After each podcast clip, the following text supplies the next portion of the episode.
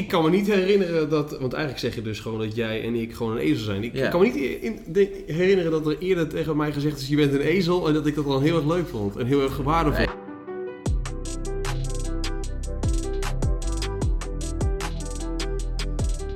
God zegen broeders en zusters, God zegen vrienden. Ehm, ik heb hier een gast voor een tafelgesprek uitgenodigd. Dat is Marcel Vroegop. Marcel Vroegop is iemand die veel mensen toch wel kennen ook in Nederland.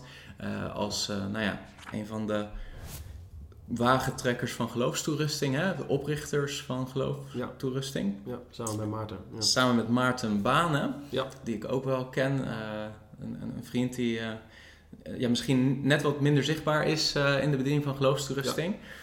Wij gaan vandaag een gesprek houden over nou ja, geloofstoerusting, denk ik. Ehm, want wat wij delen samen is, wij zijn allebei betrokken bij een bediening die met name toch via internet eh, bereik heeft. Ja. En ehm, dat, dat geeft een soort nieuwe dynamiek ook in bedieningen in het lichaam van Christus. En het zou heel interessant zijn om daar samen over na te denken. Ja. Ehm, maar ik wil ook gewoon graag eens wat meer weten over geloofstoerusting. Ik denk dat veel mensen ook die eh, op mijn YouTube-kanaal geabonneerd zijn, eh, jou wel kennen, maar ook velen niet. En daarom is het wel interessant om nou ja, dit gesprek eens te voeren. Dus uh, nou, dankjewel dat jij hier bent in elk geval. Je hebt een best wel lange reis gemaakt om hier te kunnen zitten. Ik kom hier graag, hè? Dus, Oké. Hey, zou jij jezelf willen voorstellen, Marcel? Jazeker. Eh Marcel Vroegop, 36 jaar, getrouwd met Nelke. Ik kom uit Ede. En ehm, nadat ik aanvankelijk een opleiding deed richting meer de commerciële kant van de, van de wereld, zeg maar, eh, economie en zo, eh, kwam God in mijn leven. Ik eh, kwam tot geloof. Dat was rond mijn achttiende. Eh, en toen ben ik geswitcht van opleiding van een meer eh, economie, eh commercie gestuurde ople- opleiding naar theologie.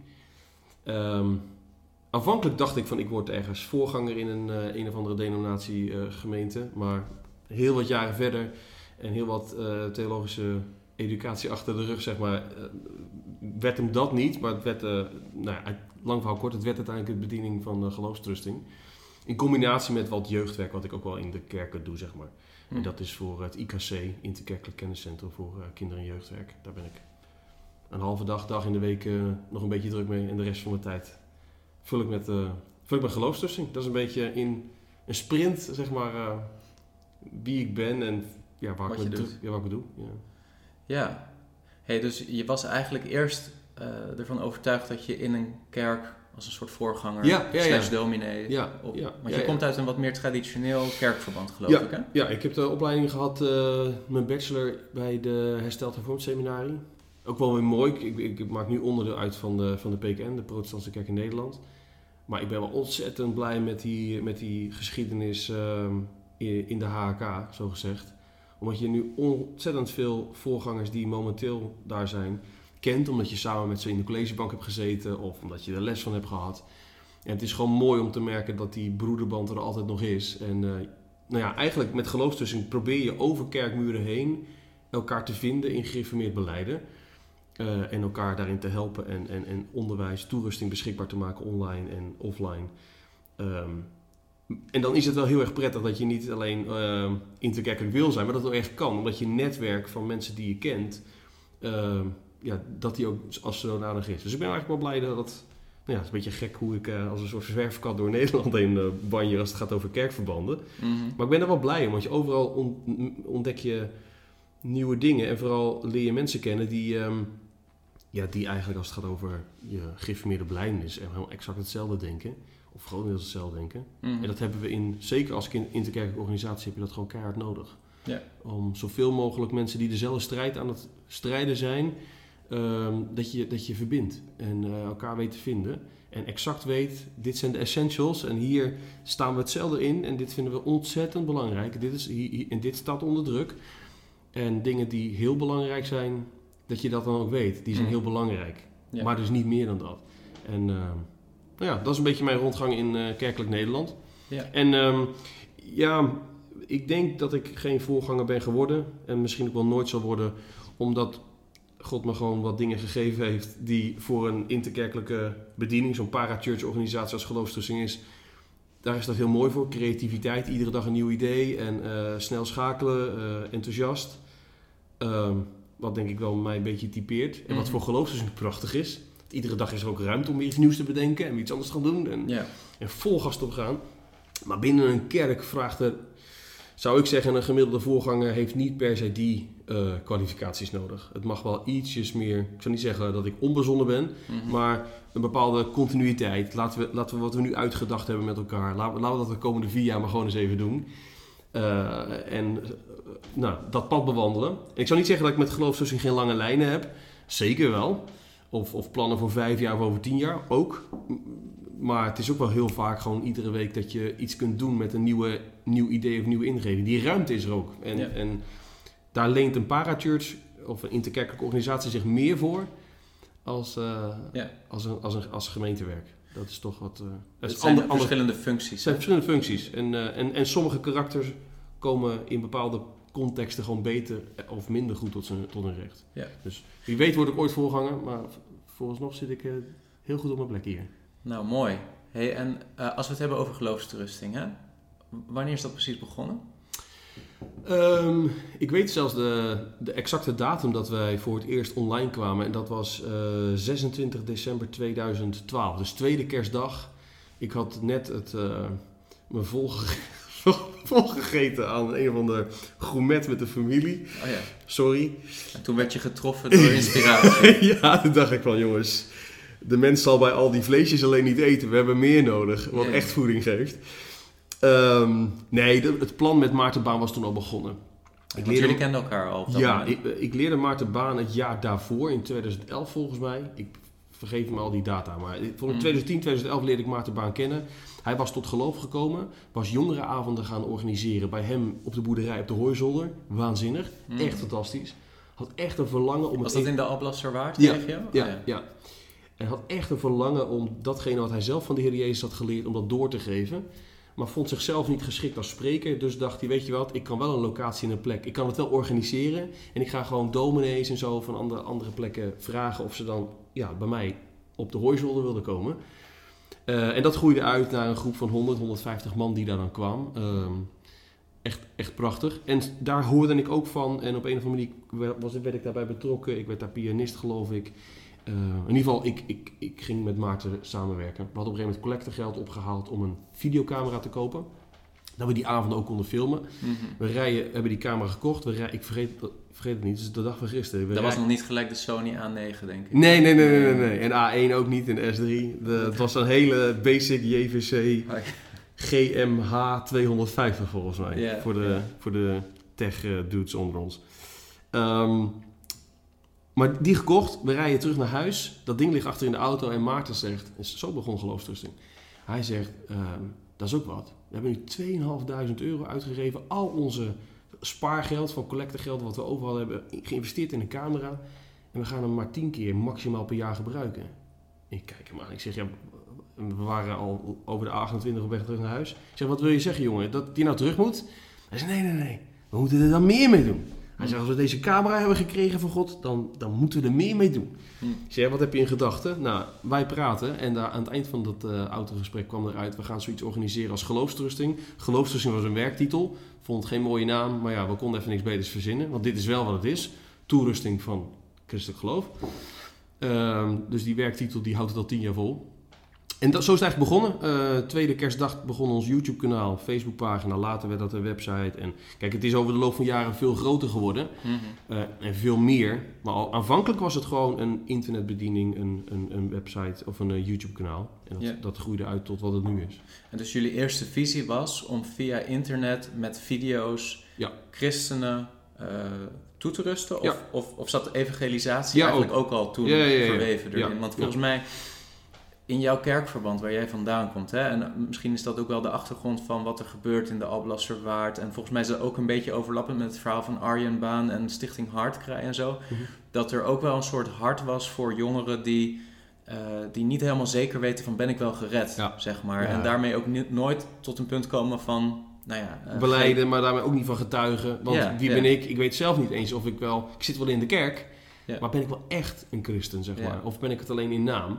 Ja, eh, da- daar, da- daar zit enorm hard voor, absoluut. Want het klinkt ook alsof Maarten op een gegeven moment en jij ook op een punt waren gekomen dat jullie wisten van ja, wij zijn kinderen van God. Ja, eh, en daar enthousiast over waren en het evangelie wilden delen. En dat daar vervolgens die, die ja. een rol in ging spelen. En dat jullie met die camera dachten, dat kunnen we via internet eigenlijk ook doen. Ja, ja. Ja, nee, eh, helemaal waar. Dat, Ja. dat is het inderdaad. En dan is de online wereld een soort uitbreiding van datgene wat je offline eigenlijk al, al had en zag gebeuren. Ja. En wat ook wel opvallend is, dat het dus blijkbaar cruciaal is. Ik bedoel, ehm, twaalf jaar terug, dan waren we echt twee jonge hondjes, zo gezegd, die dat verlangen hadden om zoiets te doen. Maar het feit dat twee van dat soort jonge gasten eh, zoiets initiëren, kan alleen maar als je werkelijk eh, weet van wie je er eentje bent. Namelijk dat je bij Christus hoort. Mhm. En, en dat was ook wel tegelijkertijd iets wat een soort een pijn was of een verdriet wat je zag in onze, ja, in onze omgeving, in, in de gereformeerde gezin, om het maar zo te noemen. Ehm, dat je zo ontzettend veel kerken en zo ontzettend veel jongeren en ouderen in die kerken, maar met name jongeren, ziet worstelen met de vragen van ja, is Jezus er ook voor mij? Zijn mijn zonden wel echt vergeven? Maak ik mezelf niet wat wijs? Eh, hè, denkend dat ik christen ben, denkend dat ik geloof en dat mijn Mhm. zonden vergeven zijn, terwijl het helemaal niet zo is. Een Hoe kan- Jezus. hè? ja, ja, ja, dat zijn wel de zinnetjes. En Jezus van vijf letters. En dat zijn dingen die zo diep je ziel eh, kunnen raken en ook wel in de klem kunnen zetten.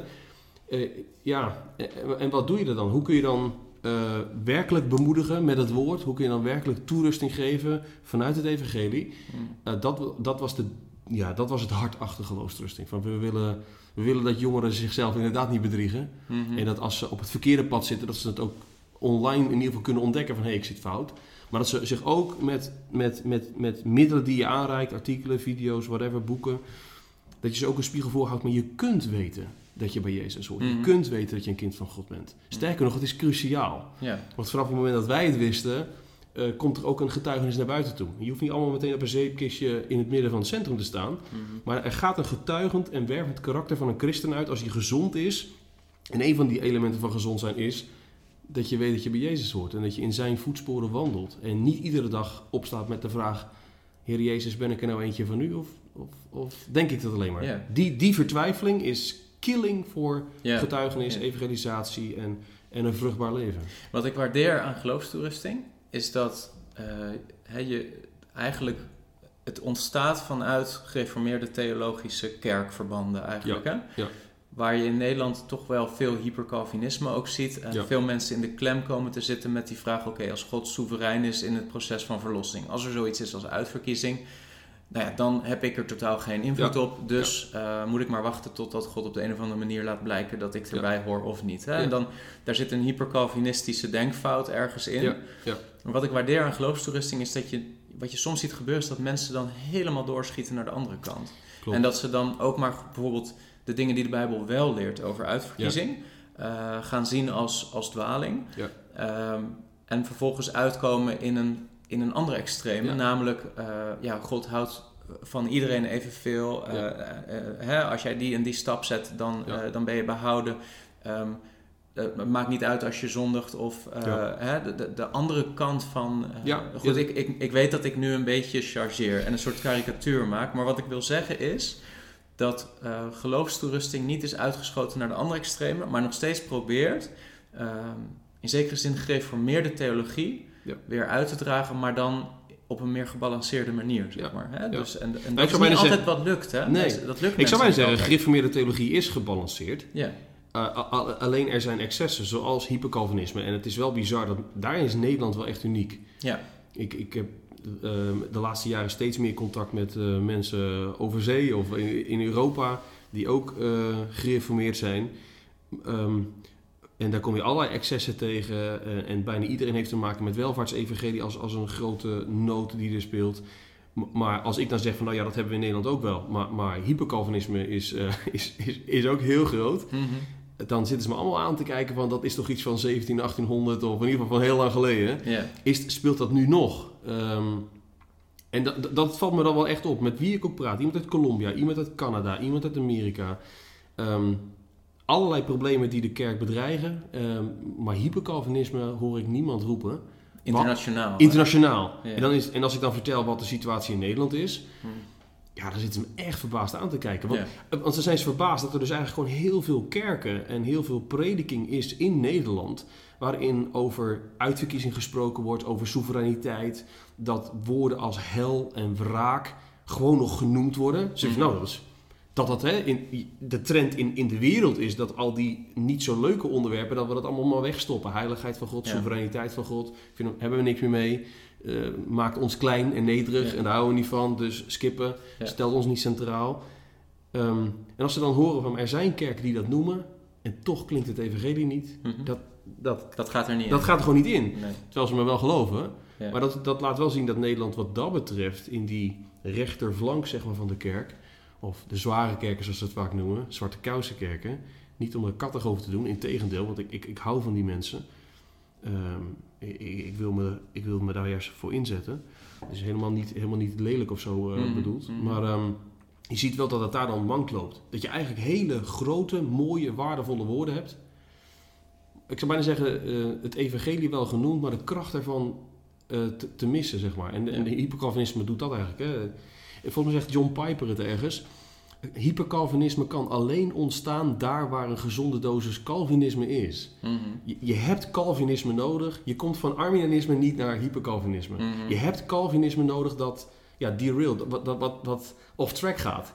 Ehm, alleen in Nederland hebben we er een beetje heel veel van. Ehm, en, en weet je, het is theologisch een probleem. Maar als het alleen maar een soort theologisch dogmatisch discussietje is, ach, weet je, dan kun je er eens een keer een podcast over houden. Ja. Maar het is ook, en dat is het vooral, het is een pastoraal probleem. Je Ja. ziet gewoon dat zo, dan zie je hoe belangrijk theologie is en dat iedereen een theoloog is. Het raakt zo erg wie jij bent als persoon, jij als gelovige. Het raakt zo je leven. Het raakt zo de eer van God. Ja. Het raakt zo eigenlijk het totaal van de schrift. Dat het geen theologisch discussietje is in de marge. Maar dat het het hart van het evangelie raakt. Wat interessant is, is dat bijvoorbeeld uitverkiezingen, want we hebben het over Calvinisme, een makkelijk punt van kritiek op mensen die het hebben over Calvinisme is altijd, ja, jullie zitten vast aan Johannes Calvijn, wie is Calvijn? Ja, ja, ja. Eh, goed, wanneer we het hebben over Calvinisme, dan hebben we het niet over alles wat Calvijn heeft onderwezen. Nee. Dan hebben we het over specifiek een bepaalde eh, bijbelse leer, Ja. Eh, die, die Calvijn wat meer benadrukt heeft, ook denk ik. Hè? Ja. Is een Institutes of the Christian Ja, ja. Religion of zo. Overigens, als je dat boek leest, dat is nog steeds enorm relevant Ja, vandaag de dag en leesbaar. En het is net alsof je... Ik denk dat jij of ik waarschijnlijk als we een boek zouden schrijven net zo'n stijl zouden hebben als hij. Want Calvijn was echt wel een beetje een, een prikkelend karakter, zeg maar, die gewoon... eh. En de dingen goed proberen te doordenken. Van, en, en dat vind ik het mooie bij Calvijn. Het gaat niet om Calvijn. In die zin is Mhm. de naam Calvinisme niet tof. Want dan lijkt het net alsof je een. Een, iemand, een persoon volgt. Maar het gaat meer om van wat hij deed was bij alle grote vragen terug de schrift in. En, en een coherent verhaal neerzetten. Niet van, hé, hey, ik heb hier een vraag en dit tekstje geeft een antwoord. Maar, maar ja, één tekst is leuk, maar twee teksten zeggen meer. En wat zegt de hele schrift er nou eigenlijk over?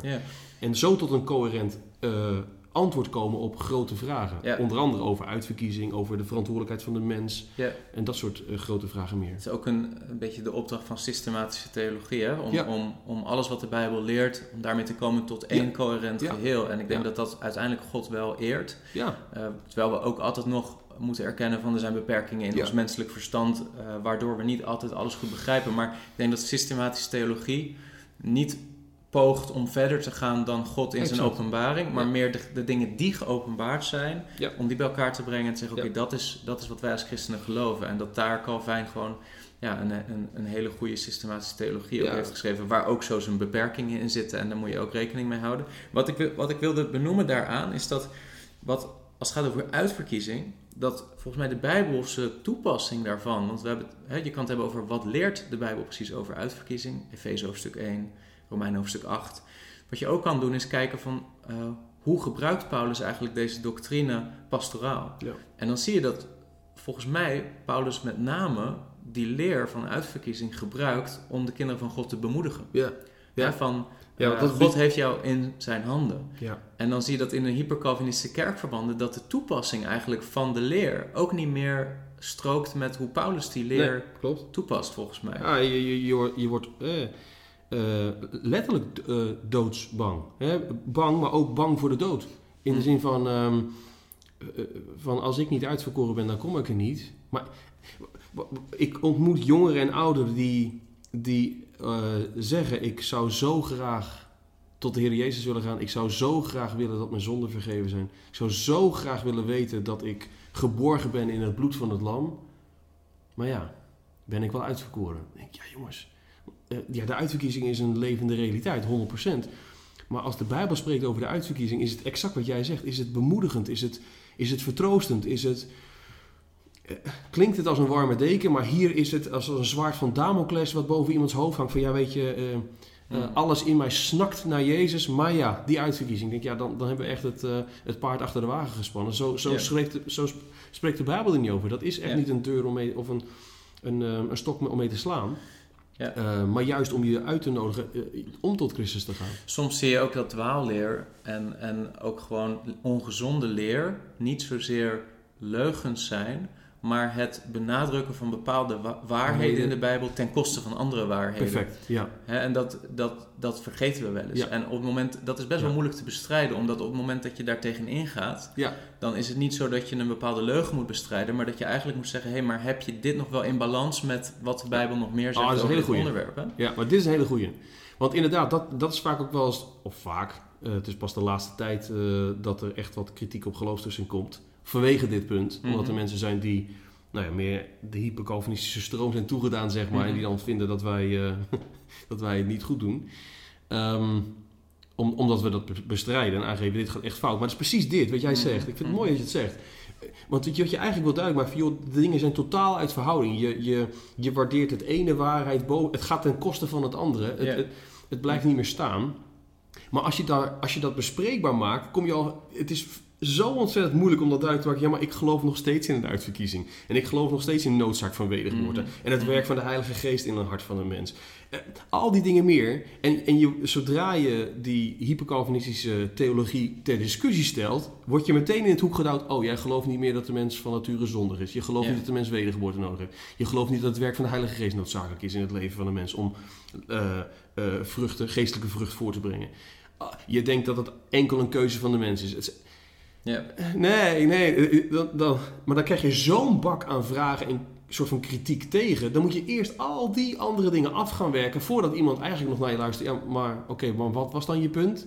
Ja. Je- Weet je, voordat die vraag gesteld wordt, moet je heel veel soort van is, ballen het is ook een vrij makkelijke reactie op zoiets. Ja. Hè? Het- En ik merk dat heel vaak als je een bepaalde leer eh, bestrijdt of bespreekt of aangeeft dit is bijbels niet in balans, Ja. dan zie je dat veel aanhangers van die leer eh, ook gewoon, denk ik, uit een stuk onzekerheid van oké, dit is waar ik in geloof Mm, en ik zeker. wil dat niet loslaten of Ja, ik, ik, ik zit daar vast. Ja. Dat een soort standaard is, bijna een soort psychologisch mechanisme.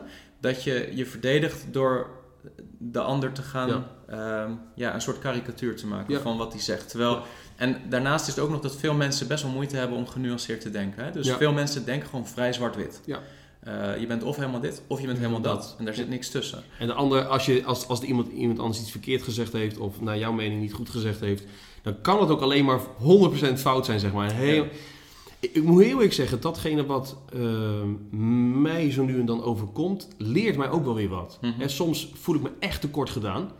En dan gaat het niet om mij, maar dan voel ik me echt tekort gedaan over wat er beweerd wordt. En ik denk, ja, je hebt echt niet geluisterd. Mhm. Je hebt echt niet geluisterd.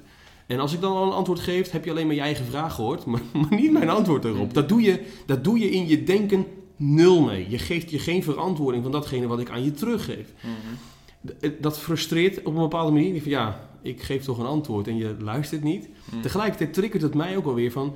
Ik ben kritisch bijvoorbeeld op hypercalvinisten. Mhm. Ik vind echt dat ze de schrift onrecht doen en dat het eh, een dwaling is. En tegelijkertijd probeer ik dan van... Oké, maar zij zijn het niet met me eens.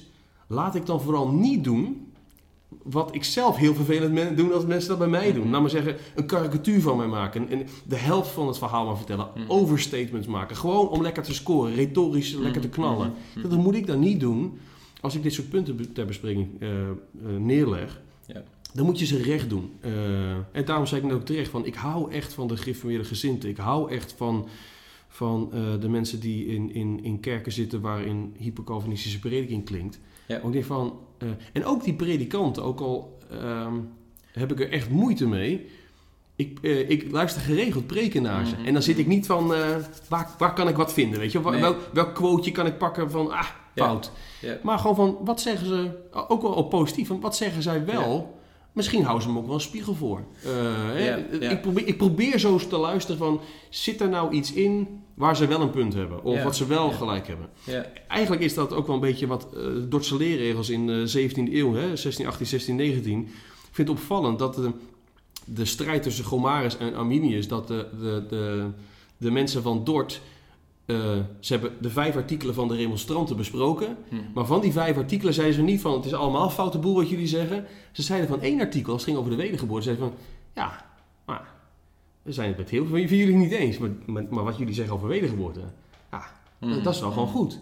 Ik van, ik van die houding, die gezindheid, die wil ik, probeer ik in ieder geval ook te hebben. Van, als iemand waar je echt fundamenteel van mening over verschilt, maar als die persoon iets goed zegt. Dan is dat gewoon goed. Noem goed wat goed is en Ja. noem wat fout en, en ongezond is. Noem, dat je transparant bent. In mijn bediening, want ik ben natuurlijk meer met apologetiek bezig, krijg ik ook wel vaak die feedback van ja, maar jij bekritiseert nu deze persoon vanwege dit element in zijn leer. Maar zie je dan niet dat die persoon ook Ah, een hele hoop ja. goede dingen zegt? En eh, dat vind ik ook weer een iets te makkelijke verdediging. Eh, waarom? Omdat ik denk dat we geroepen zijn om leer te toetsen. En dat we daarbij ehm, expliciet ook soms het lichaam van Christus, zeker als het gaat om dingen die op internet Hmm. worden verspreid. Hè? Dingen gaan tegenwoordig zo over Ja, internet ja, en over kerkmuren. ehm, dat we soms wel precies die elementen waarvan we zeggen dat is echt gevaarlijk. Dat is echt een gevaarlijke leer.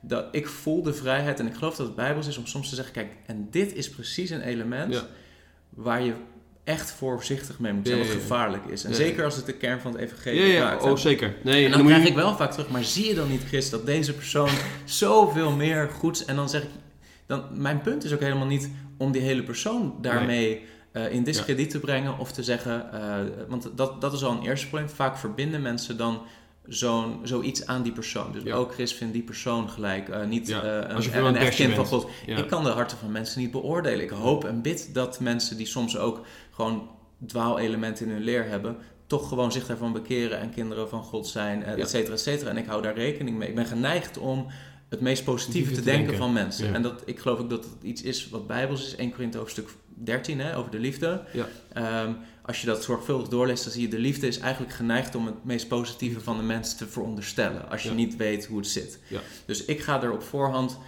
ga ik ervan uit dat ook veel van de mensen die dwaalleer verkondigen, of elementen in hun leer hebben waar ik voor eh, waarschuw, dat die in principe misschien dat gewoon doen vanuit Ja. een stukje onwetendheid of vanuit een stukje, ehm, nou ja, eh, misschien zelf misleid zijn. Ja.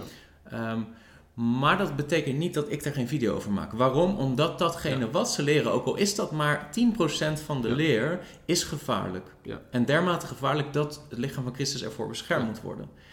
Veel mensen reageren dan van, oh ja, maar die persoon val je daarmee aan. Nee, Nee. Het, het doel is nooit om die persoon aan te vallen. Nee. Eh, daar, daar zou ik helemaal geen zin in hebben. Dat kost mij alleen maar energie. Ja, Eh, het doel is wel om het lichaam van Christus te beschermen voor specifiek dat element van wat die persoon verkondigt. En die persoon ook de gelegenheid te geven om daar kritisch op te reflecteren.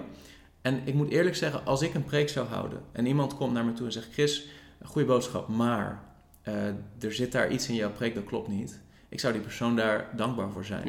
Waarom? Omdat het mij de gelegenheid geeft om daar kritisch eh, op te reflecteren, me daarvan te bekeren en uiteindelijk eh, Ja. te voorkomen dat ik daar straks verantwoording van moet afleggen voor de troon van Jezus Christus. Hè, want leraren worden strenger geoordeeld. Dus. Goed, lange, lang zijspoor, maar ik dacht. Nee, maar dit is we wel een cruciaal punt. Ja, Ja. een cruciaal punt. Want eh, inderdaad, je er ziet is een vaak van... verschil tussen het beoordelen van een persoon Ja. en het beoordelen van een leer. Ja. En veel mensen hebben de neiging om die twee dingen bij elkaar samen te trekken. Ja. En te zeggen, oké, jij zegt iets over die leer, dus jij zegt iets over die persoon. En daar moeten we voorzichtig mee zijn. En misschien kan het zijn dat ik in mijn video's wel eens daar wat te, eh, te onduidelijk over ben. Ja. Of dat ik daarin op een verkeerde manier overkom. Dat is nooit mijn bedoeling. Nee. Ehm, ik denk dat we heel voorzichtig moeten zijn met oordelen over harten van mensen. Ja, ja, ja. Dan moet je... eh, Eh, eigenlijk gewoon exact. niet, misschien zelfs gewoon niet doen. Nee, nee. En, en ehm, eh, terecht wat je zegt, wat je vaak ziet gebeuren is... Of je ziet mensen dingen onder kritiek stellen en dan, dan deugt en de persoon niet meer en, de, en het element wat er gezegd wordt. Maar er er deugt helemaal niks. Alles Mhm. is helemaal foute boel. Dat is de ene kant, een soort van overgeneralisering. Eigenlijk een karakterisering of een karikatuur maken van, van wat iemand zegt en wat iemand ook fout leert. Mhm. En, aan de andere, en wat je ziet gebeuren is dat mensen zeggen: ja, eh, dit is dan misschien wel een dwaling, of dit klopt dan misschien wel helemaal niet. Maar kijk eens, dit zijn allemaal dingen die wel heel goed zijn. En een soort van, ja, maar dat compenseert het dan. Een soort, soort van weegschaal. Iemand heeft wat foute theologie, maar ook heel veel goede punten. Maar dat is het punt niet. Als, het- het- als, dat, als dat zo zou werken, zou je die hoofdgetuigen, de mormonen en de islam eigenlijk de hand moeten schudden Ja. als broeders en zeggen, nou ja, jullie eh, voor, Ja. voor, voor 80% hele positieve dingen die jullie doen. Ja, ja. ja, dat is gewoon ellende. Want je, je- dan vergeet je even dat, alhoewel er heel veel positieve dingen gezegd zou kun- kunnen worden van dingen van, van mensen waar je, waar je theologisch gezien echt grote zorgen om maakt als het gaat over wat ze zeggen. Dat, dat misschien de 20% die fout gaat en de 80% die goed gezegd wordt, dat die 20% alle impact heeft op die 80%. Mhm. Die twee dingen bestaan niet los van elkaar. Mhm. Het is één systeem, één geheel. Ja. Waarin inderdaad elementen in zitten waar je zegt, ja, dat zeg ik ook. Mhm. Alleen omdat je dat erbij zegt, die, Ja. die, die, die, die dwalingen die er zijn, ja, Ja. dat, dat, dat infecteert alles. Precies. En, en daar moeten we wel gewoon eerlijk over zijn. Eerlijk over zijn dat misschien niet alles slecht is, maar het slechte wel alles, alles beïnvloedt en, en raakt. Ja. En, en twee, dat je kunt onderscheiden wat iemand leert en wie, ja, de hartsgesteldheid van iemand. Ik denk dat je daar inderdaad heel uiterst voorzichtig in moet zijn. Weet je, daar worden we ook helemaal niet toe geroepen. We worden geroepen om vast te houden aan de schrift, vast te houden aan het evangelie, de Bijbel te onderzoeken en elkaar daarin te bemoedigen en ook in aan te sporen en te vermanen. Mm. Dat is onze referentiekader. Ehm, en je kunt de ander oproepen om zijn hart ernaast te leggen, om, om, om zelf te reflecteren. Mm. Maar om het oordeel dan over die ander uit te spreken, ja, nee, volgens mij is dat niet iets waar wij eh toegeroepen worden. Helder. Hey, ehm, ja, nog één toevoeging daarop. Hè. Kijk, als je het hebt over 20%, 80% en de 20% die de, de rest ook beïnvloedt of infecteert. eh, daarin is het altijd natuurlijk goed om onderscheid te maken tussen zaken die echt gaan over de kern, hè? Ja. De, de, de, de kernzaken Ja. van het evangelie, waar. Paulus heel duidelijk over is van als iemand een ander evangelie predikt dan wat Ja. wij gepredikt hebben, gelaten over stuk 1, die zijn vervloekt. Hè? Dat, Ja. Daar is Paulus heel duidelijk in. Ehm, en tegelijkertijd zijn er ook ja, randzaken, bijzaken, Ja. adiaphora, hè? Die, ja, die misschien meer gaan over christelijke vrijheid. En Ja. Christ- hè, hoe denk je over de wederkomst van Christus? Daar, daar zitten een hele hoop verschillende gedachten Ja, over ja, binnen de christelijke wereld. Ja. Onder mensen die in de kern wel hetzelfde evangelie Ja, geloven. ja, ja. En ik denk dat ook, ook uitverkiezing nog voor een deel iets is waar, ja, waar oprechte christenen die hetzelfde evangelie geloven nog wel eens verschillende ideeën over Ja. kunnen hebben. ja zeker. En waar je ook van ziet dat oprechte wedergeboren christenen tijdens hun, ja, laten we zeggen, carrière als christen nog wel eens wat in verschuiven. Ja. Eh, terwijl ze al die tijd wel het ware evangelie, denk ik, Ja. geloven. Dus ehm, ik denk dat we wel voorzichtig moeten zijn om, zeker als mensen geen onderscheid meer maken tussen kern en bijzaken. En ja, ja, ik ben in mijn apologetische bediening me daar vaak wel heel erg van bewust van. eh, ik word vaak echt wat meer gedreven om video's te maken, ook over dwaalleer, op het moment dat ik zie dat de kern geraakt, geraakt wordt. Ja, exact. En op het moment dat iemand bijvoorbeeld zegt: Ik geloof dat God vandaag de dag nog steeds mensen geneest, Ja. dan zie ik dat als een in-house debate. Ja. Van daar Ja. kunnen we anders over eh, denken. Of ehm, nou ja, goed. Eh, daar, daar kun je hele goede gesprekken over hebben. Er zijn elkaar- essentiële dingen waar je van als je dat, als je daarin corrumpeert, dan raakt dat meteen het hele evangelie, het hart Ja. van het evangelie. En er zijn dingen die zijn heel belangrijk. Ja. En, en daar kun je goed eh, over praten en daar moet je ook zeker een, een visie en gedachte over hebben. Maar als iemand daar anders over denkt, Ja. Maar als iemand zegt, ik geloof dat God nog steeds mensen geneest, Hmm. hè, of dat de gaven van de geest nog steeds vandaag de dag werken, dat is denk ik nog niet een kernzaak. Maar op het Nee. moment dat iemand zegt, Jezus is gestorven zodat jij vandaag de dag gezond kan zijn, ja, dan wordt het wel een kernzaak. Ja, ja, ja. Want dan is namelijk het effect van het evangelie in het hier en nu zou moeten zijn dat jij in het hier en nu op aarde altijd gezond en dan hè, financieel welvarend zou moeten zijn. En dan is de keerzaak daarvan, de keerzijde daarvan, is dat als dat dus niet zo is, dus als jij als christen ziek wordt, hè, of suikerziekte krijgt, of bijziend wordt, of nou ja, de, de, een bril nodig hebt. een bril nodig hebt, dan zou je daar dus logischerwijs uit moeten concluderen, als je consequent Ja, ja, bent, ja, dat dus het evangelie niet werkt voor jou. ja. En als het evangelie niet werkt voor jouw lichamelijke gezondheid, waarvan dan wordt gepredikt dat dat onderdeel is van die kernboodschap, waarom zou het dan wel werken voor je eeuwige zaligheid? ja. Dus dan zou de conclusie moeten zijn: ik krijg nu diabetes, het gaat niet weg, maar God heeft Jezus gegeven en hij is voor mij gestorven zodat ik gezond zou zijn nu. Dat is niet zo, dus. Ben ik misschien ook wel verloren. Ja. En dat is het Trojaans paard in die theologie. Ja. Want dan in eerste instantie klinkt het heel positief en goed, Ja. maar zodra je wel ziek wordt en je aangevallen wordt op deze kern, kan het zomaar zijn dat je niet alleen maar nu suikerziekte hebt, maar dat je ook niet meer zeker weet dat je nog wel gered bent. Ja. En dat is het verschil tussen geloven dat God nog wel geneest vandaag, of geloven dat genezing jouw geboorterecht is als wedergeboren christen in het evangelie. Nou goed, dat is gewoon een voorbeeld. Ja. Maar, mensen zien- maken die nuances niet altijd Nee, meer. Maar nee. dat, is wel, dat is het verschil tussen een kernzaak en een Ja. randzaak. Ja, 100%. En eh, exact wat je zegt, eh, heel veel mensen maken dat onderscheid niet meer. Ik, denk van, ik zei van de week nog tegen iemand in een gesprek van, ik zeg, het is zo belangrijk dat er een soort geestelijk onderscheidingsvermogen is. En dat je inderdaad ziet van, hé, hey, wa- wat je nu zegt over genezing, is dat, is, kunnen wij, hebben we daar de christelijke vrijheid om daar verschillend over te denken? Daar mag je heel uitgesproken over zijn, maar uiteindelijk ehm, vallen we elkaar als broeders niet af. Maar zodra dat punt van genezing, wat jij dan zegt, als onderdeel van het evangelie wordt, ja, dan gaat er wel een, een zo'n fanatieke wissel om. Dat, dan wordt het opeens van een belangrijke bijzaak, Mhm. eh, een kernzaak van het evangelie. Dan, dan mag je ook niet meer stil zijn. En dan kun je ook niet meer zeggen, hé, hey, even goede vrienden, we zijn allemaal broertjes en zusjes van elkaar. Ja, no way. Mhm. Want het is het evangelie wat ons broeders en zusters van elkaar maakt. Maar het is nou net het evangelie wat nu op het spel staat. Wat aangetast Wat wordt. aangetast wordt. En dan, dan, dan, dan mag je dan niet over zwijgen. Nee. Dat moet je bespreekbaar maken. Natuurlijk met milde toon, liefdevol. Mm. Probeer het positieve en, en het goede van een ander te denken.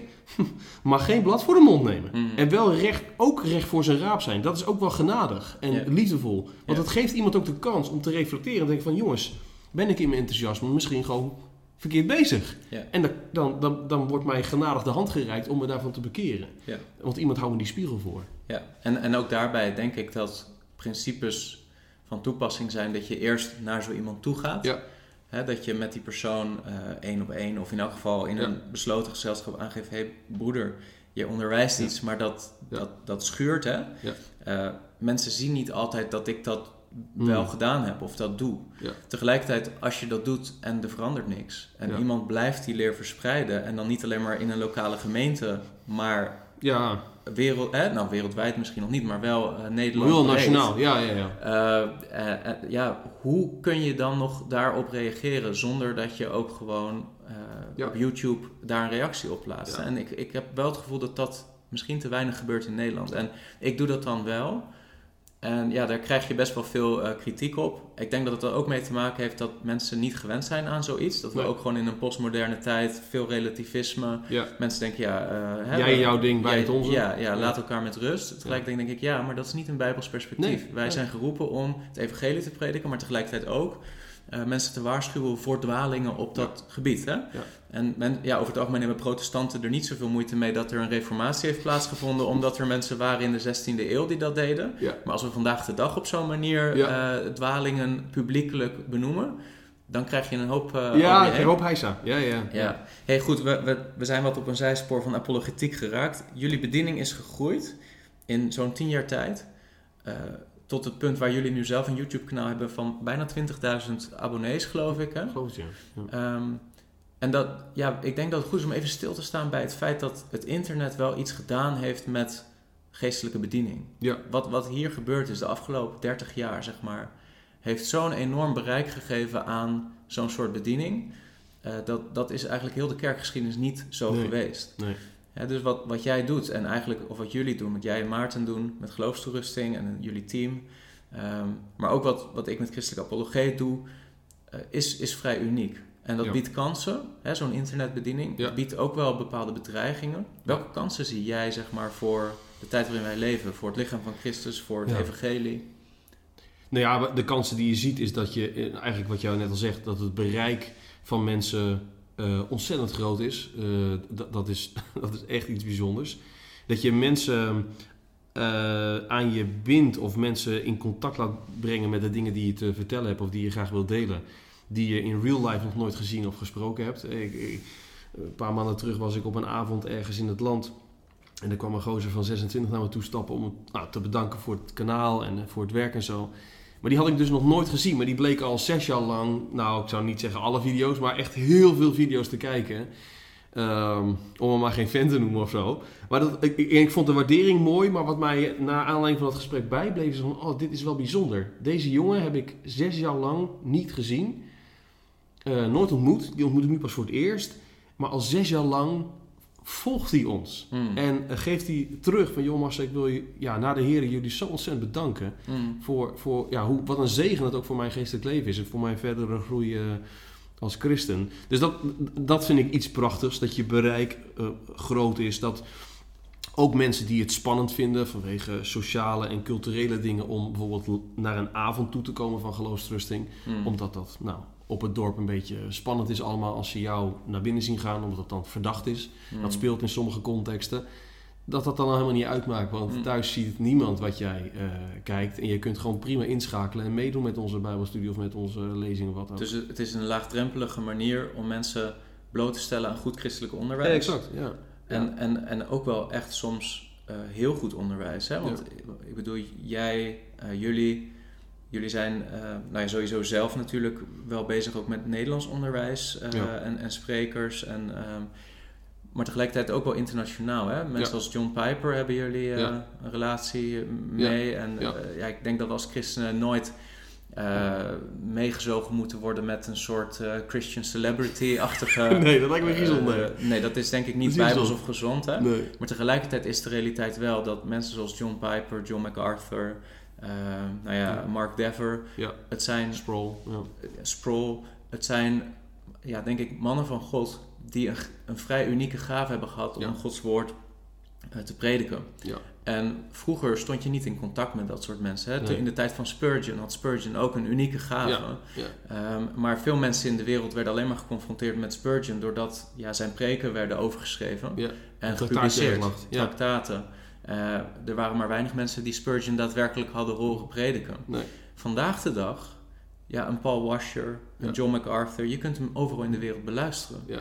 Dat, dat is ook weer zoiets unieks van de tijd waarin wij Ja. leven. En jullie vertalen al heel lang boeken en eh, eh, preken eh, van nou ja, eh, broeders met, met echt vrij uitzonderlijke gaven. Ja. Eh, dat is echt een hele mooie kans. Ja. Tegelijkertijd ook gelijk een probleem. Vind, zie ik daarin. Ik weet of jij dat ook ziet. Want het lastige is dat veel christenen daarmee de verwachting krijgen dat dus in mijn kerk ook iemand zou moeten prediken. Ja. Die precies zo'n gave heeft als John MacArthur Ja. of een John Piper, Ja. ehm, eh, een Paul Washer. En dan kom je in je eigen gemeente en dan, ja, dan over het algemeen hebben mensen niet diezelfde gave. Nee, nee, nee. Er lopen niet heel veel John Pipertjes eh, rond. Nee, en, En, en, dat, en dat het nadeel is inderdaad dat de verwachting eigenlijk eh, onmenselijk hoog wordt. En dat je van de leiders van jouw eigen gemeente eigenlijk iets vraagt wat God niet van ze vraagt. Hmm, Zeg maar. hmm. Eh, dat dat is inderdaad het rechtpunt.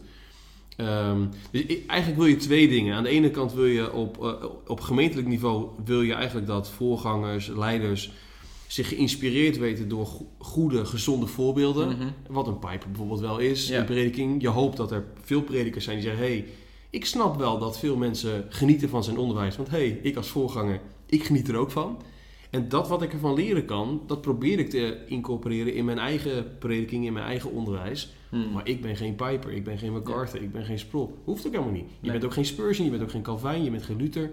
Eh, dat hoeft niet, maar je probeert wel van dat soort mannen te leren, omdat ze gewoon, waar, het- waar zij een voorbeeld in zijn, is de Bijbel open doen en vooral de schrift induiken van wat staat er nou en wat heeft het ons te zeggen. Hmm. En daarin, ja, daarin, daarin hoop ik één dat, dat ehm, ehm, laat me zeggen, als je gezond te eten krijgt, dan, dan, dan, dan eh, train je je smaakpapillen. Dat is wel een klein beetje wat we met geloofslessen proberen te doen.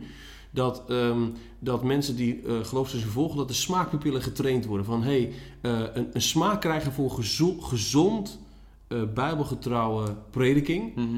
Niet dat je dan je eigen voorganger meteen gaat afkatten, omdat hij het retorisch misschien net even iets minder spannend vertelt als een Paul Washer. Hmm. Maar wel van, is, het, is dit waar? Is dit bijbelgetrouw? Is dit solid? Maar als dat zo is, misschien iets minder sprankelijk verteld, maar als dat zo is, eh, geef hem, don't give him a hard time. Zorg ervoor dat je een goede gemeentelid bent. En aan de andere kant, sommige mensen zitten in gemeentes waarin de prediking gewoon echt niet heel erg veel is. Nee. En dan wordt het wel spannend. Hè? Van, ja, maar eh, wat ik van Piper leer, hè, één filmpje van vijf minuten van Piper zit meer geestelijk onderwijs voor mij in dan 50 minuten preek van mijn voorganger. Hmm. Het kan zijn dat je een te hoge verwachting van je voorganger stelt. Het kan soms ook zijn dat je voorganger gewoon zijn job niet goed doet.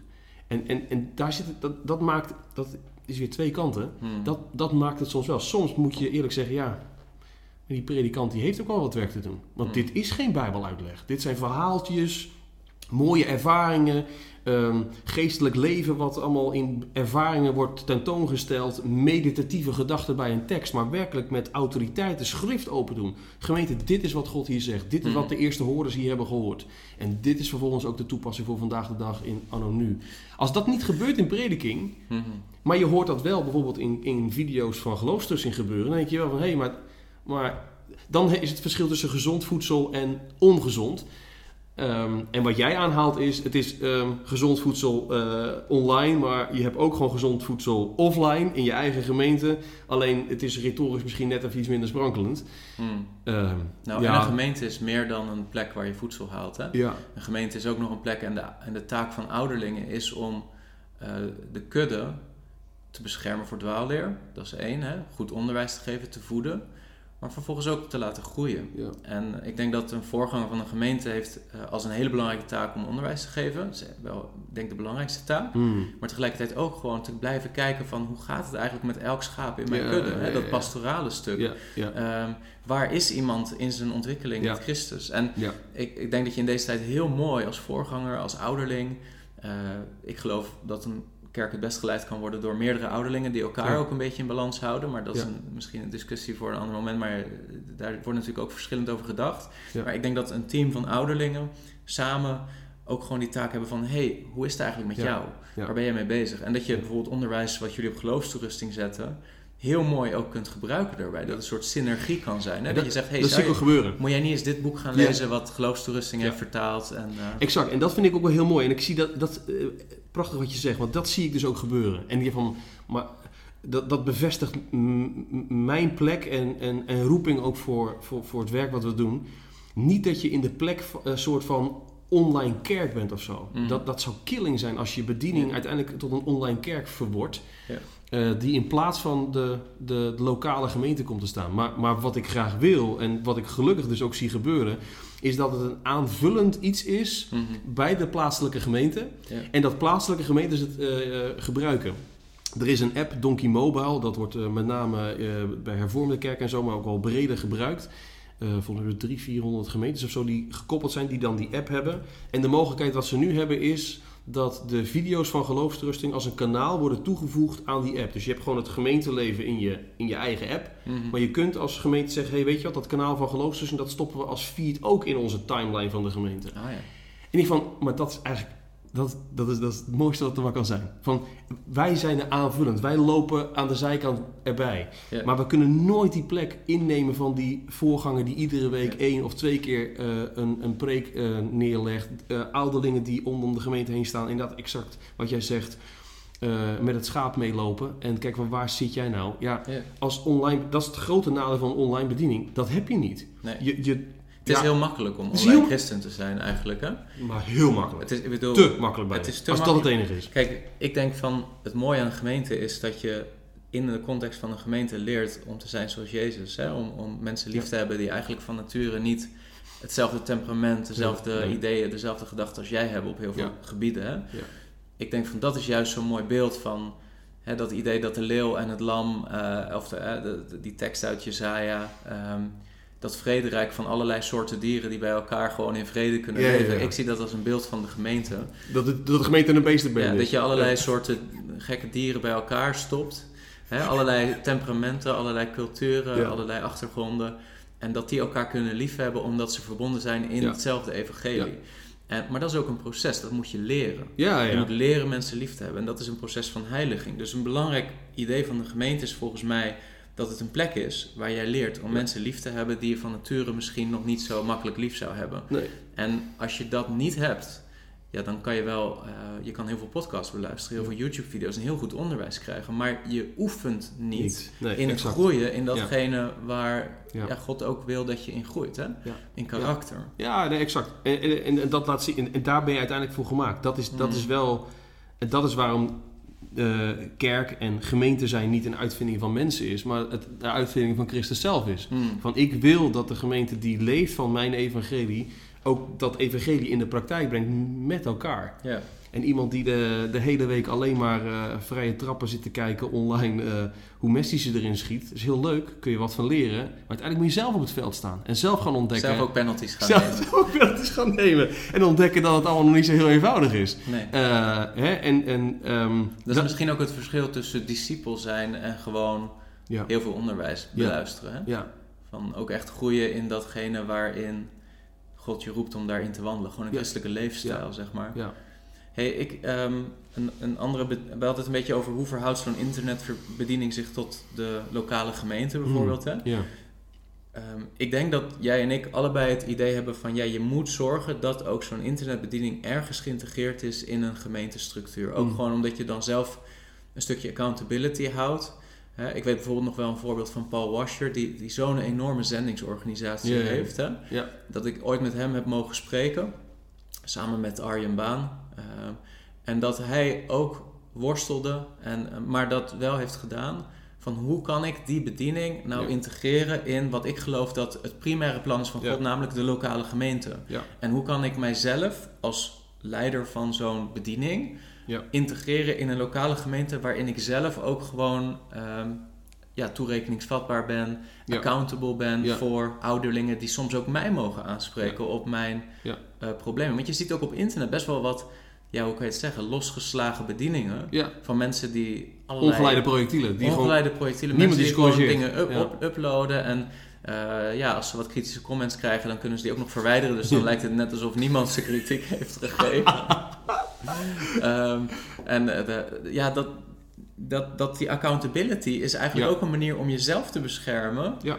eh, om, om niet de fout in te gaan. Hè? Ja. Of, of, nou ja, en als je de fout in te gaat, om Ja. terug te gaan en te zeggen: hé, hey, dat broeder, je hebt die video geüpload, maar klopte dit en dat wel? Zou je daar niet wat voorzichtiger mee zijn? Om daar kritisch in te blijven. Ja. eh, hoe heb je, hebben, hebben jullie daar een visie voor met geloofstoerusting? Om ook, ben je bijvoorbeeld zelf onderdeel van een lokale gemeente waar je. Ja, ja is, is, als, als, eh, als eh, persoon wel. De, de, de stichting is dat niet, als Nee. onderdeel van een lokale gemeente. Maar wel op een andere manier bedacht van, daar moet een soort connectiestructuur zijn. Ik moet ter verantwoording geroepen eh, kunnen worden. Dus er zijn wel een aantal predikanten die achter de schermen, low profile, gevraagd eh, op dingen eh, feedback geven, maar ook ongevraagd. Mhm. Die, gelukkig hebben ze dat nog nooit hoeven doen in de zin dat ze aan de noodrem moesten trekken. Gelukkig maar. Maar die, die, er zijn wel een x-aantal broeders die dat wel kunnen. Die, Ja. die achter de schermen eh, ja, mij vol aan mijn jas kunnen trekken. Van Marcel, eh er gaat nu een rode lamp branden. Dit, dit is niet goed. Eh, Mm. we houden je accountable voor dit wat hier nu gebeurt. Dit moet rechtgezet worden of omgezet worden. Ja. En ik denk dat dat cruciaal is. Als je niet je eigen, eh, je eigen tegenspraak organiseert. Kijk, kijk, als je je tegenspraak niet organiseert, dan kun je gewoon lekker los. Mhm. Kun je gewoon doen wat je wil. Dat is heel lekker. Ja. Totdat je de mist in gaat. Want dan is er niemand meer die jou terugroept. En uiteindelijk ben je zelf en de bediening het meest gezegend en het meest vreugdevol. Als je op je grootste misstap uiteindelijk wel teruggeroepen wordt. Ja. Dus het, ten lange leste is het een drama als je niet teruggeroepen wordt. Mhm. Dus dat hebben we op die manier georganiseerd. Ehm, en dat komt ook wel een beetje. eh, Ik, ik weet dat van, van Paul Washington. Er zijn meer organisaties in Amerika die vanuit de lokale gemeente een soort van ontstaan of daar connected aan zijn. Hè. Grace to je bijvoorbeeld dat dat een organisatie is die eigenlijk vanuit Grace Community Church soort van voortgekomen is. Ja. Ehm, maar bij andere organisaties zie je dat weer niet. Hè. Zoals een Desiring God is eigenlijk toch wel echt los komen te staan van eh, Bethlehem Baptist Church. Dus het is, eh, sommige bedieningen komen voort vanuit een lokale gemeente. En zien vervolgens van hé, hey, we maken er een aparte bediening van die voor landelijk of voor internationale content genereert en, en productief maakt. Maar je ziet ook wel organisaties die eigenlijk niet vanuit de lokale gemeente ontstaan. Mhm. Ja, dan is de route iets lastiger. Mhm. Maar nog steeds moet je wel zorgen dat je accountable, hè, dat, je, dat Ja. je ter verantwoording geroepen kunt Dat worden. je een aantal geestelijk volwassen broeders Dus hebt om die, je heen hebt die... die onderscheidingsvermogen Ja. hebben en weten waar het op aankomt. Maar als het erop aankomt, ook moedig genoeg. Want het is altijd lastig om iemand ter verantwoording te roepen. Ja. Ehm, Nou ja, zeker als je, hoe groter je impact Impact. wordt, Ja, hoe voorzichtiger mensen om je heen nog zullen worden Ja. om je terug te fluiten. En dan Ja. moet je, dat, er is een zekere mate van genade en nederigheid nodig om denk ik, zo'n bediening te kunnen hebben. Want het kan wel in je hoofd, in je bolletje gaan zitten, dat jij iets bent. Ja, ja, ja. En je- we. Zijn, hè, we zijn niks. eh, Nee. eh, ik, Maar voor je het weet denk je dat je een heel groot jongetje bent geworden. denk je dat je een groot jongetje bent omdat je, omdat je een keer een videootje maakt, zeg maar, wat eh 18.000 Ja, keer bekeken wordt. Ja, Terwijl, ja, eh, Zack Poenen zegt altijd, en dat vond ik wel mooi. Kijk, Zack Poenen is ook natuurlijk een broeder met een vrij unieke gave. En nou, theologisch eh, heel anders dan de Mm. mensen waar jij meestal, denk ik. eh, maar eh, wel iemand die soms hele wijze dingen zegt, denk ik. En die zei ook van, keep your face in the dust, brother. oh ja. Van, eh, eh, Ja. Wanneer je ziet dat je iets mag doen voor de Heer en dat veel mensen daardoorheen gezegend zijn, ga nooit dat fenomeen associëren met het idee dat jij Jij. dus iets bent. Oh, heel goed. En eh, ik noemde het laatst ook in, eh, in Family Bible Church, en, eh, maar het is ook iets wat ik heb mogen leren van broeder Zack. Of misschien nog van een andere broeder, ik weet het eigenlijk niet. Maar die zei van, ehm, weet je, Jezus reed Jeruzalem binnen op een ezel. En ehm, al die mensen waren aan het klappen, zeg maar. Ja. Hè? En op dat moment blij. En eh, ja. kleding en palmtakken en al die dingen. Ja, die ezel zou wel heel dwaas geweest moeten zijn om te denken dat die mensen voor hem klapten. Ja. Wat goed. En kijk, zo moeten we onszelf denk ik ook blijven zien. Altijd gewoon als je een dienstknecht van de Heer bent. Van ja, ik ben een ezel. Ja. Eh, en de Heer heeft ervoor gekozen om nou ja, zichzelf te presenteren aan mensen eh, via mij. Ja. Maar het feit dat eh, iets wat ik doe zoveel vrucht mag dragen, is niet omdat ik erbij betrokken ben. God Nee. zou van de een op het andere moment kunnen kiezen om hè, eh, mijn bediening terzijde te schuiven en iemand anders daarvoor te gebruiken. Ja.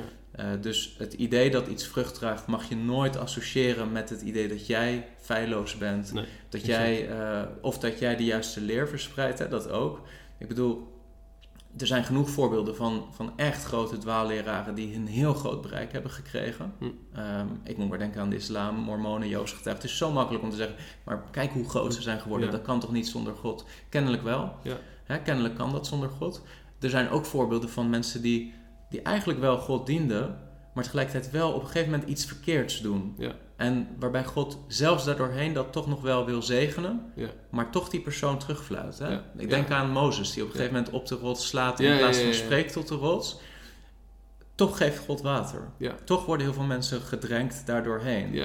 Maar Mozes wordt teruggefloten. ja, ja, ja. Hè, in dezelfde actie. Dan denk ik, ja, je, je zou wel dwaas moeten zijn om te denken dat omdat jij een gezegende bediening hebt en heel veel mensen daardoorheen eh Ja. gezegend worden, dat dat dus betekent dat je niet iets verkeerd hebt Ja. gedaan. Hè? Ja. Dus we moeten, ik denk, de kern is altijd nederig blijven, altijd je gezicht in het stof Ja. en te erkennen van ja, eh, Ik ben, ik ben die Ik ezel. ben niet, ja, ik ben niet meer dan... Ja. Ik ben die Ik, ezel. ik kan me niet herinneren dat... Want eigenlijk zeg je dus gewoon dat jij en ik gewoon een ezel zijn. Ik, Ja. ik kan me niet in, de- herinneren dat er eerder tegen mij gezegd is... Je bent een ezel. En dat ik dat dan heel erg leuk vond. En heel erg waardevol. Ik heb, ik en een grote ik eer zelfs. ik ben de ezel. Ik ben de- En eh, ik, ik, ik hoop dat de Heer me genade geeft om mezelf zo te blijven zien. Omdat, eh, weet je, het is zo makkelijk om op internet iets te doen. ehm, en, en heel groot te groeien. En Ja. dan in je bolletje te krijgen van, Ja. oh kijk mij eens. Maar Ja. dat, dat is zo'n gevaarlijke gedachte. Want op het moment dat je ook maar iets van trots krijgt... dan zal de Heer iets moeten doen om jou weer nederig te Ja, maken. ja, om je dienstbaar te maken. Ja. Ja, je, bent, je bent stiekem je eigen koninkrijk aan het bouwen in plaats van dat je je gewillig inzet voor zijn koninkrijk. Ja, en dat is, eh, dat is denk ik ook gelijk weer zo'n bedreiging van een internetbediening. eh, die misschien in een kerk wat minder snel ontstaat. Hmm. Hè, want zelfs bij de meest begiftigde dienstknechten van God met lokale gemeentes zijn het vrij trage processen. Ja. Waarin een gemeente op een gegeven Ja. moment groeit en in de loop van jaren eh, een grote gemeente wordt. Ja. En veel, maar de, een video, je kan een video maken en een week later is zo'n video 30.000, 40.000, 50.000 keer bekeken. Eh, het is soms zo makkelijk scoren. Je moet steeds weer bedenken, ik, ik ben een ezel. En ehm, het is alleen maar door Gods genade dat je iets nuttigs mag doen Ja. voor de Heer. Ik, ik wil, want we zitten, het is zo'n interessant gesprek dit. Ik ga het niet vertellen dat het al bijna voorbij is. Hè? Het, het, we zitten al denk ik al wel zo'n 50 minuten opname. Ehm, maar ik wil iets zeggen over, of iets met je bespreken nog over bedreiging. En dat is het aspect van comments.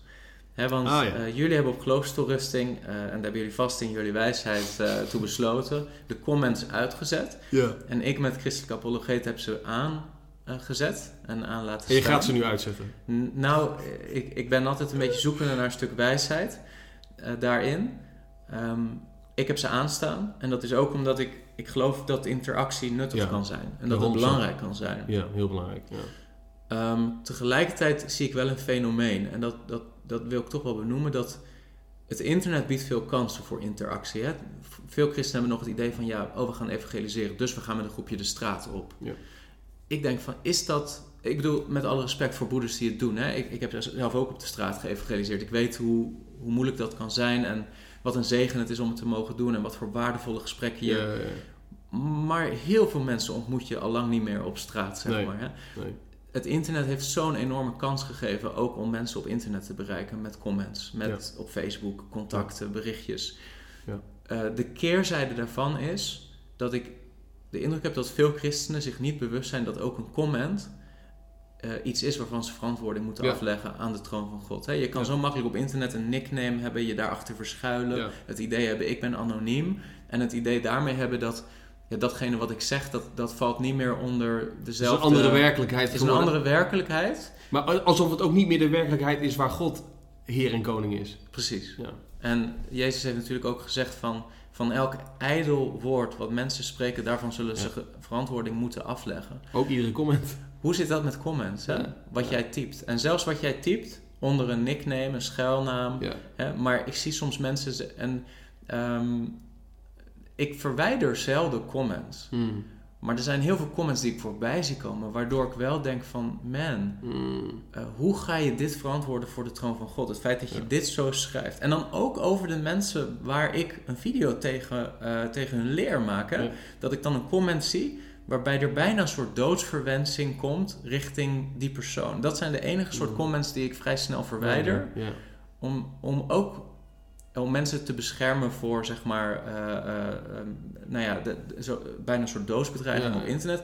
Tegelijkertijd ook om mensen te beschermen tegen zichzelf. Van, hé, hey, Ja. wat, wat ben je aan het doen met zo'n comment, zeg maar? In hoeverre kun je dit nog verantwoorden voor de troon van God?